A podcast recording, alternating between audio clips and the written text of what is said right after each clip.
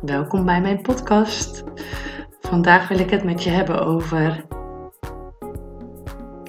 als je hoofd overuren draait. We kennen het vast allemaal wel. Dat je ja, gewoon lekker in je hoofd zit. We hebben gewoon heel veel uh, dingen te, hoe noem dat? Heel veel rollen te vervullen. Vaak is het leven druk en uh, ingevuld toch wel met dingen die we allemaal moeten. Moeten van onszelf of ja, door de keuzes die we hebben gemaakt in het leven. Ik trek het eventjes op mezelf. Ik ben natuurlijk moeder uh, van drie kinderen. Getrouwd. Ik heb een huishouden. Uh, ik werk nog als doktersassistente. En daarnaast run ik mijn bedrijf. En dat maakt het natuurlijk lekker veel.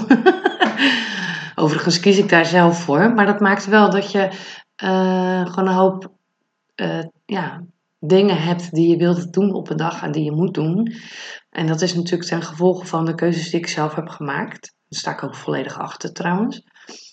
Ik zie ook echt, uh, dat is mijn grotere verlangen, mijn grote missie, om um, de, de brug te slaan tussen het reguliere en het alternatieve. En dat is ook waarom ik het op deze manier doe. Dat voelt ook echt goed. Ik voel ook dat die verbindingen uh, ontstaan, dat die bruggen worden geslagen, zeg maar.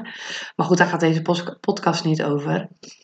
Uh, als je, dat merk ik in ieder geval heel erg bij mezelf, op het moment dat je heel veel te doen hebt en heel veel moet, um, dan is er vaak ook weinig tijd of ruimte om even niks te doen of om even te ontspannen.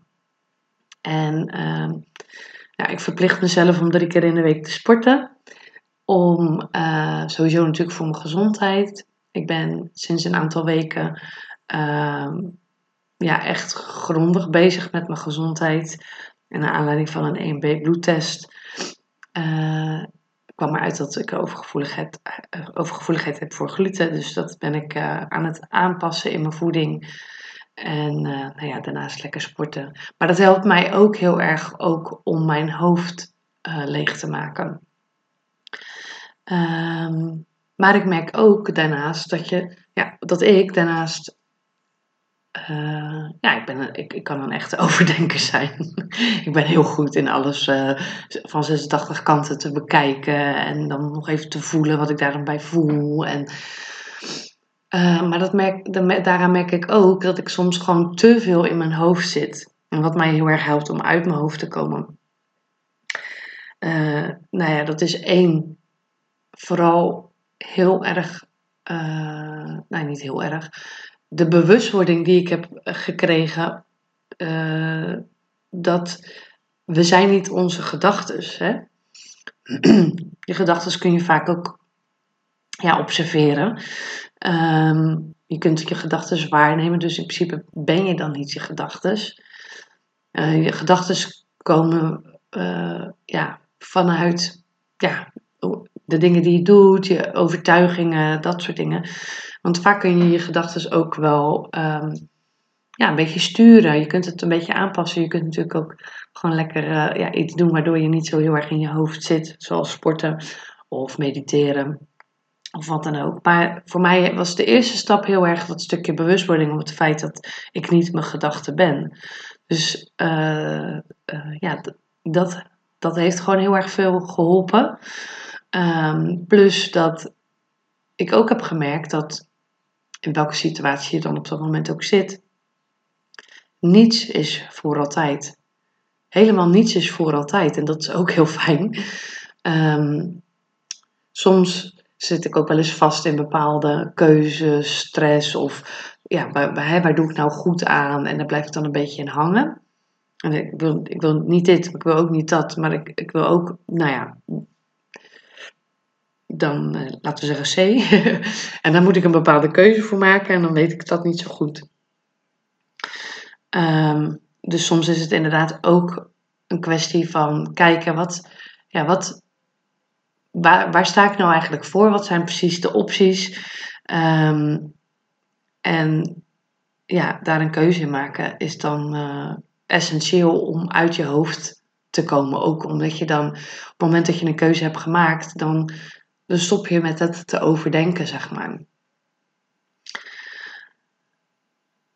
En natuurlijk zijn er nog een heleboel andere manieren om uit je hoofd te komen. Uh, ik ben dat natuurlijk lekker allemaal aan het, uh, ja, aan het ontdekken en aan het doen. En voor mij is bijvoorbeeld daarin familieopstellingen een hele, echt een hele mooie. Ik had dat niet verwacht.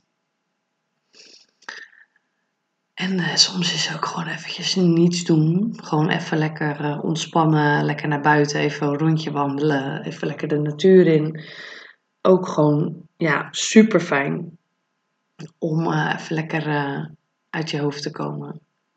Dus dit zijn zo'n beetje mijn tips. Wat je kan doen als je hoofd overuren maakt.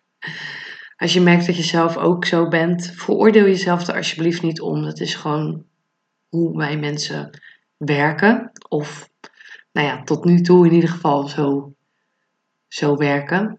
En ik hoop dat ik daarin een stukje bewustwording mag brengen. Um, want ik geloof wel dat het ons meer helpt om um, ja, meer die ontspanning te krijgen. Meer die af en toe wat meer uit dat hoofd te komen en meer ons lichaam te volgen. Zoals ik dat in de familieopstellingen ook uh, merk.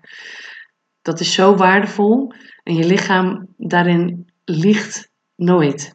Die vertelt je altijd de waarheid. En dat is echt heel grappig.